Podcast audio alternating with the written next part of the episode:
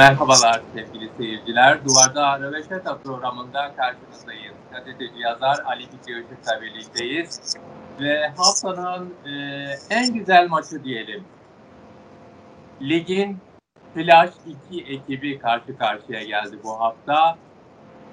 Alanya Spor, Hatay Spor karşılaşması 6-0'lık farklı bir galibiyet. Alanya Spor'un muhteşem oyunu. Ali Fikri çıkış yapan iki takımı değerlendirmeni istiyorum. Aslında Hatay Spor Fenerbahçe karşısında, Başakşehir karşısında çok ciddi, çok farklı bir oyun sergilemişti. Ama sen ilk hafta Alanya Spor'un oyununa dikkat çekmiştin. Çok iyi hazırlanmışlar, çok iyi geliyorlar diye. Ve Çağdaş Atan'ın takımı farkını ortaya koydu. 6-0'lık bir skor elde etti. Bununla başlayalım istersen. Yani Türkiye için söylemek gerekirse Alanya Spor'un oyunu duygusallıktan arındırılmış bir oyun. Yani e, maçın sonuçlarından azade, maç içindeki geri düşmelerden de azade, e, hakikaten e, tıkır tıkır işleyen e, bir sistemi var e, Alanya Spor'un. Ama e, bu maçta görüldü ki Hatay o düzeyde değilmiş. Yani e, Hatay aslında e, gol yemeden önce gayet e, ne yaptığını bilen, alan daraltan, e, ikinci bölgede rakibini karşılamaya çalışan ve kaptığı toplarla da kanatlara inip oradan gol pozisyonu üreten bir kimlik taşıyordu. Ama 1-0 geriye düştükten sonra e, o Hatay Spor gitti. Yani bundan e, 20 sene öncenin tipik duygusal, e, oyun disiplinden kopan, e, sadece e, duygularıyla oynayan bir takıma dönüştü. Tabii yazık oldu. E, elbette bu 6-0'lık e, sonuç kesinlikle tesadüf değil. Kesinlikle üstünde çalışılmış. Ve Alanya Spor'un bir başka özelliğini yani ne Fenerbahçe ne Galatasaray ne Beşiktaş ne Trabzon'da görmediğimiz bir başka özelliğini de vurgulamam gerekiyor. O da alan üretiyor zaten alan üretmeden, alan kat edemezsiniz, alan üretmeden gerçekten rakibin defansif tedbirlerini berhava edemezsiniz. Yani özlediğimiz o pas trafiği, pas dolaşım modeli, topu kaybettiklerinde hemen ikili üçlü pres uygulamaları, topu hemen kazanmaları, defansı çok ileriye taşımaları. Yani topu kaybettikleri yerde defans uygulaması başlatıyorlardı böyle çoklu presle ve hemen topu kazanıp o bahsettiğimiz hemen üçlü grup oluşturup e, set oyunları yani karşılarına gelen Ömer Erdoğan'ın oluşturduğu seti çok rahat bir şekilde geçebiliyordu Alanya Spor. Evet yani Alanya Spor'un e, oyun taktiği aslında set oyunu üzerine kurgulanmış değil. Yani set oyunlarında çok da başarılı olduğu söylenemez. Hani e, rakibin komple topu arkasına geçtiği, sizin yerleşik bir defansa hücum etme stratejiniz olarak e, ifade ettiğimiz set oyunu değil ama özellikle ikinci bölgede çok akıllıca bir kontra taktik. Senin de altını çizdiğin o üçgenlerle hemen ya sol tarafta ya sağ tarafta ya da merkezde boş bir alan üretip oradan hızla birinci bölgeye sarkıyorlar ve rakip ne olduğunu fark etmiyor. Bu da onun e, bu oyun e, stratejisinin ya da bu oyun taktiğinin daha doğru bu e, bir deyim olur. En önemli özelliği haline geliyor. Ve çok çok hızla rakibin arkasına sarkıyorlar. Çok hızla rakibin arkasına sarktıkları gibi neredeyse birebir kalarak final vuruşunu yapıyorlar. Bu çok önemli bir özellik. Türkiye'de çok da gördüğümüz bir şey değil. Evet çok karşılaştığımız bir durum değil ama Alanya Spor bunu yaşatmaya başladı. Evet. Evet hakkını verelim. Alanya Spor şu anda Türkiye'nin en fit takımı, en ne yaptığını bilen bir takımı. Hem e, top rakipteyken nasıl oynanması gerektiğini biliyor, hem top kendisindeyken de çok iyi bulmacaları oluşturulmuş bir takım. Umarım böyle de devam eder. Çağdaş Hoca'yı ve öğrencilerini tebrik ediyoruz o zaman. Ve Erol Bulut, e, ligin flash takımı, bir diğer flash takımı Karagümrük karşısındaydı. Karagümrük liderdi ve Erol Bulut'a da biz dikkat çekmiştik. Geçen hafta Fenerbahçe sistemini oturtmaya başladı, başlıyor demiştik. Fenerbahçe Karagümrük karşısında 2-1'lik galibiyet aldı. Yani Erol Bulut meselesinde e, benim kaygılarım esasen Erol Bulut'tan kaynaklanan kaygılar değildi. Fenerbahçe geleneğinden gelen, Fenerbahçelilik algısından gelen beceriye dayalı bir futbolu da Erol Bulut'a dayatacakları korkusuydu bende. Fakat bu e, dördüncü haftanın sonunda görüldü ki hayır Erol Bulut oralarda değil. Erol Bulut çok iyi biliyor ki önce defansını organize edecek. Yani birinci bölge ve ikinci bölgeyi garanti alacak. Ondan sonra zaman kaldıkça üçüncü bölgenin aksiyonlarını inşa edecek. Gördüğümüz bu. Ve bunu gerçekten çok iyi yapıyor. Elinde buna uygun çok iyi bir malzeme var. Mesela Nemos e, dün maçta ben hayran kaldım ona. Hiçbir hata yapmadı.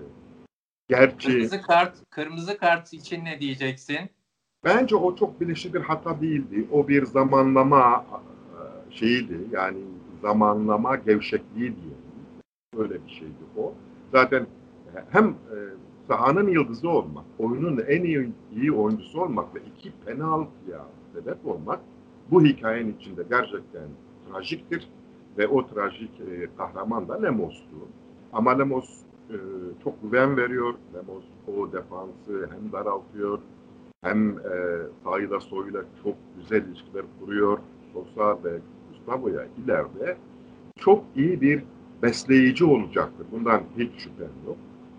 Fenerbahçe'de herkesin gördüğü gibi, benim de altını çizdiğim gibi henüz bir hücum planı inşa edilmiş değil.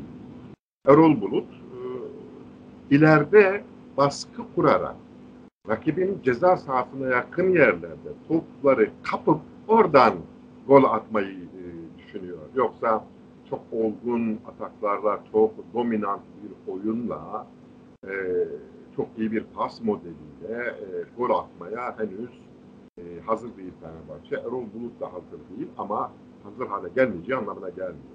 Tabii bunun bir anlamı var. Anlamı da şu, Fenerbahçe karakter değiştiriyor. Konuşmaya başlarken Fenerbahçe Türkiye'de becerili oyunun temsilcisiydi. Yani beceri. O nedenle her sene tonlarca transfer yapardı e, ve öyle bir oyun oynardı. Aslında aslında gelen soru da tam da buydu. Yani be- becerikli oyuncu, yetenekli oyuncu. Fenerbahçe'nin kadrosu çok geniş Ali Fikri. Transfer yapmaya da devam ediyor. Yeni isimler gündeme geliyor. Yani mesela Mert Hakan transfer edildi ama Mert Hakan yedekte. Ee, Sinan Gümüş yani onun yerine Sinan Gümüş ikinci yarıda oyuna alınıyor. Ee, diğer isim işte Ozan Tufan'ın yerine Mert Hakan. Sosa'nın yerine Tolga Ciğerci. Yani bu anlamda Erol Bulut'un başını ağrıtacak mı sence bu geniş kadro, bu çok yetenekli oyuncu havuzu?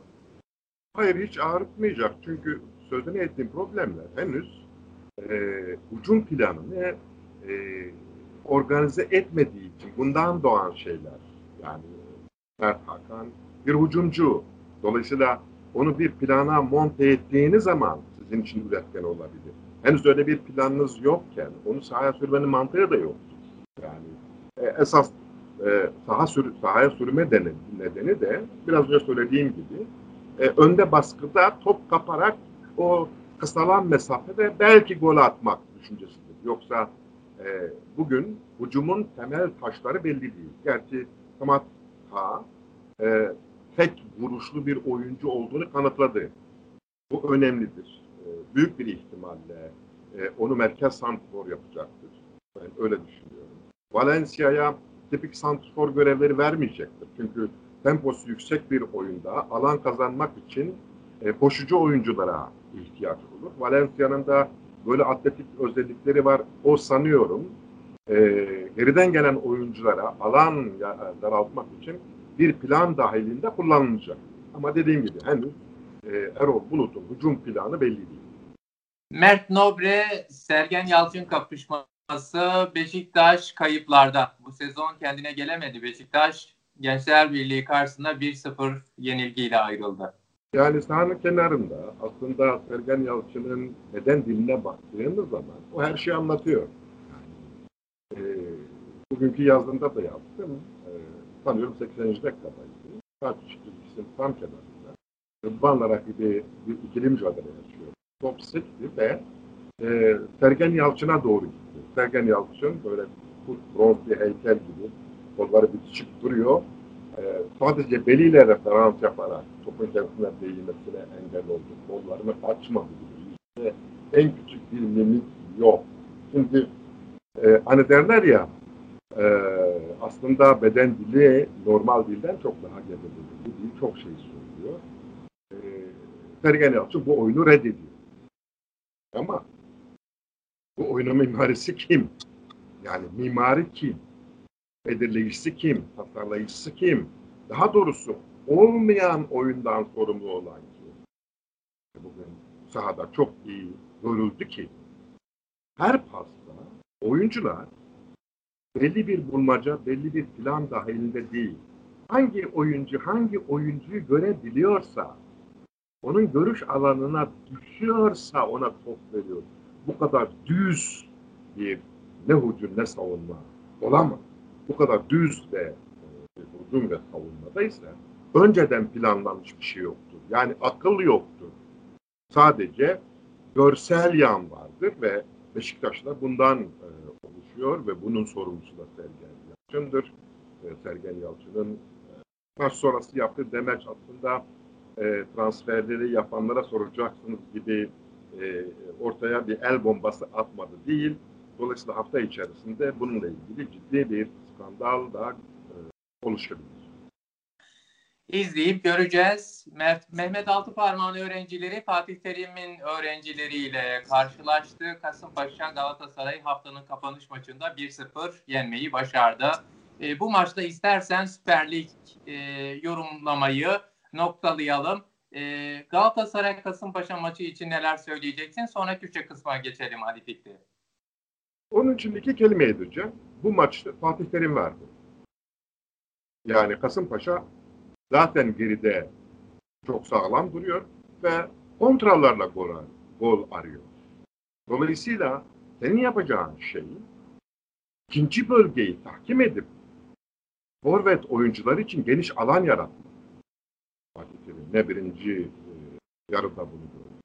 İkinci yarıda çok büyüklük kompleksiyle üç hücumcuyu çıkardı. E, sahaya sürdü ve zaten yerleşik olan e, Kasımpaşa e, defansının ekmeğine yağ sürdü. Yani deyim uygunsa hiç kimse oynayacak bir metrelik alan bile bulamadı. Bu olmaz. Bu maçın talep ettiği e, bu değildi. Ama maalesef o yüksek bu, şiddet o. Ben nasıl olsa bunları yenerim, topu şey yaparım. Böyle e, keyfi kararlarla futbol oynanıyor. Bunu yani Kasımpaşa Kasımpaşa biraz daha dikkatli oynasa aslında çok rahat bir şekilde bir iki gol daha bulabilecekti. Elbette, elbette bulabilecekti ve onlar da telaş ve yorgunluktan gerçekten maç 1-0 bitti. Zaten e, maç daha bitmeden yani uzatmalar 5 dakikaydı. 5 dakika oynanmadan Fatih Terim'den ilk kez görüyorum soyunma odasının yolunu. Evet, e, dikkat çekici bir görüntüydü. Hepimizin dikkatini çekti. Fatih Terim maç bitmeden, uzatma süresi sona ermeden soyunma odasının yolunu tuttu. Binere neja noha medest bi şiroveya khoya zmane kurdi kurmancı bikin u ve hafteye dal kürt. Lehember öz tersi. Dist dido yek tek çu Dolmişa dav kürde hama behat ravestke ha davi. Kakali fikri ışık ji bo rewşa dav kürde ya davi de to fazî çi bibêjî. Valla êdî gotin perenak.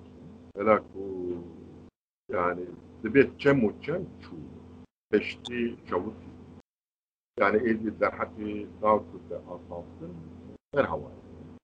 Deri tiştekî daha Davkurt yani prensiben futboletna e, cicina heji ez bin haya e, ol ola sonj var çtan nine aça irodeji e, Ujviru teveji Davkurt bir sarfadena ez bin Bra ez bim bira herkes îro wiha wekekê dinyekê binivîsîne derekê rawtu spêlî yek tiştê ku em ê deqê datî dibêjin مخابن مخابن رewşa dal Kurdê qet ne baş e û ev jî di hemû pêşbirgên wê de xuya dibe di pêşbirka dawî da li hember ev sertê jî ev wisa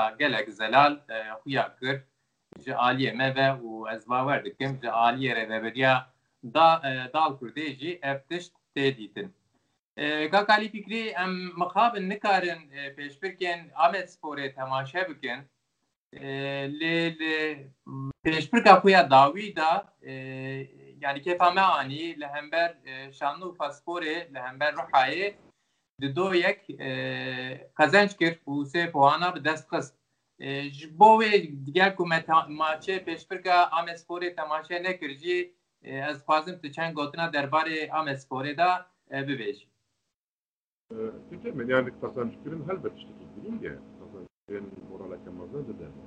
Kazançların xana amelip sey puana demiş. Roma bu peşbas kibe beraber. Revşamet çübe beraber. Belki tek bir maçek kazançtır. Ser raziyet yani.